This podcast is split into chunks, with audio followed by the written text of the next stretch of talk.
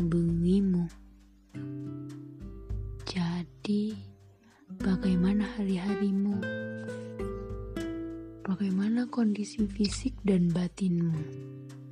Apa kamu lelah? Apa kabar juga dengan pikiran? Masihkah ia bekerja? Lalu bagaimana dengan hati? Apakah ia telah pulih? Aku terlalu bawel ya. Maaf ya. Jadi aku akan menunggu kamu untuk bercerita. Karena bercerita dengan kerelaan selalu punya semacam kekuatan yang magis yang mampu membawa aku untuk ikut masuk dalam cerita kamu. Ceritalah saat kamu sudah siap. Kalaupun kamu punya ketakutan saat ingin bercerita denganku, aku juga tidak akan memaksa kamu. Mungkin ketakutan akan dihakimi. Iya, kamu takut aku hakimi Mungkin sih kamu takut kalau nantinya aku akan menilai kamu dengan brutal. Kamu juga punya hak penuh atas pilihan kamu untuk bercerita atau tidak. Kamu juga punya hak penuh untuk bercerita kepada siapa dan di mana dan kapan. Jadi, Jangan dibuat beban. Kalau kamu tidak mau, ya tidak apa-apa. Apa kamu punya ketakutan kalau aku ini bukan pendengar yang baik? Atau kamu punya ketakutan atas kemungkinan responku yang menyebalkan setelah kamu bercerita? kamu sedang tidak ingin bercerita tanpa tahu alasannya apa. Kamu tidak tahu alasan kamu tidak mau bercerita kepadaku atau kepada orang lain. Halo, kamu masih di situ kan? Suaraku kedengaran tidak? Apa sinyalku yang bermasalah ya? Hmm, Lo kok terputus teleponnya? Ternyata kamu pencet kamu pencet lambang telepon warna merah itu. Hmm, 8 jam kemudian kamu kirim aku pesan. Kamu bilang kamu mau telepon aku 10 menit lagi. Kamu bilang kamu mau cerita, tapi syaratnya aku harus mendengarkan sampai selesai tanpa menyela sekalipun.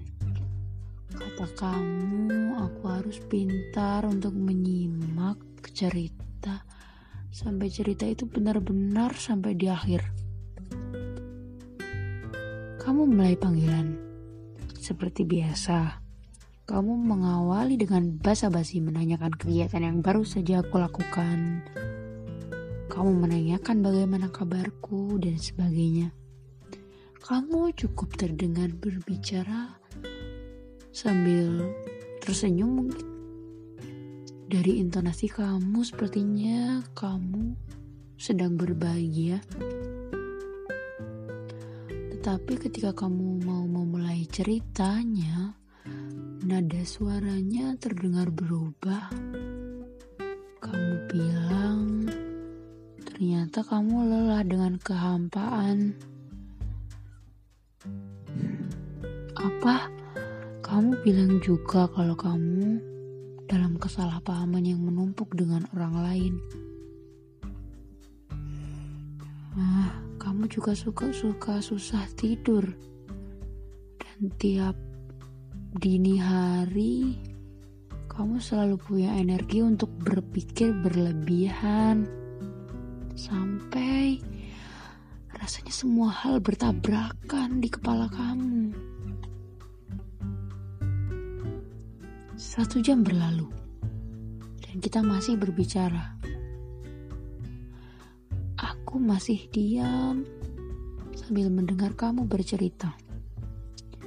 Kamu boleh cerita secara detail di ujung panggilan sana. Telingaku rasanya tidak lengah, meski earphone yang aku pakai sedikit membuat telingaku sakit karena aku menggunakannya dalam waktu yang lama. Sampai di akhir cerita, kamu cuma bilang kalau kamu tidak butuh jawaban dari aku. Kamu sudah cukup berterima kasih karena telah didengar. Katanya, di masa-masa yang sulit ini, kamu kehilangan berpasang-pasang telinga. Telinga yang sebelumnya selalu mendengar kamu. Tapi aku suka sekali. Kamu selalu pandai menyisipkan rasa optimis di balik pertahananmu yang terlihat seperti luluh lantak. Kamu juga selalu mencoba untuk berprasangka baik pada mereka. Padahal Aku tahu kamu punya ribuan kekesalan yang menggunung di dada kamu. Aku belajar banyak hal dari kamu. Meskipun kamu selalu bilang kalau kamu juga belajar banyak hal dari aku. Aku bukan pendengar terbaik di dunia ini. Tapi kalau kamu mau, aku cuma bisa mendengarkan kamu lebih baik setiap harinya. Kita sama-sama belajar mendengar ya, meskipun kita berjarak. Meskipun mereka semua sibuk berbicara tanpa membawa telinga dan perasaannya untuk orang lain. Meskipun mereka sibuk berbicara tanpa berusaha memahami orang lain, ataupun mereka mendengar tetapi mereka tidak mau berempati dan bersimpati. Terima kasih teleponnya hari ini. Semoga kamu tetap kuat menjalani hidup ini. Lebih baik lagi ya. Semangat! thank you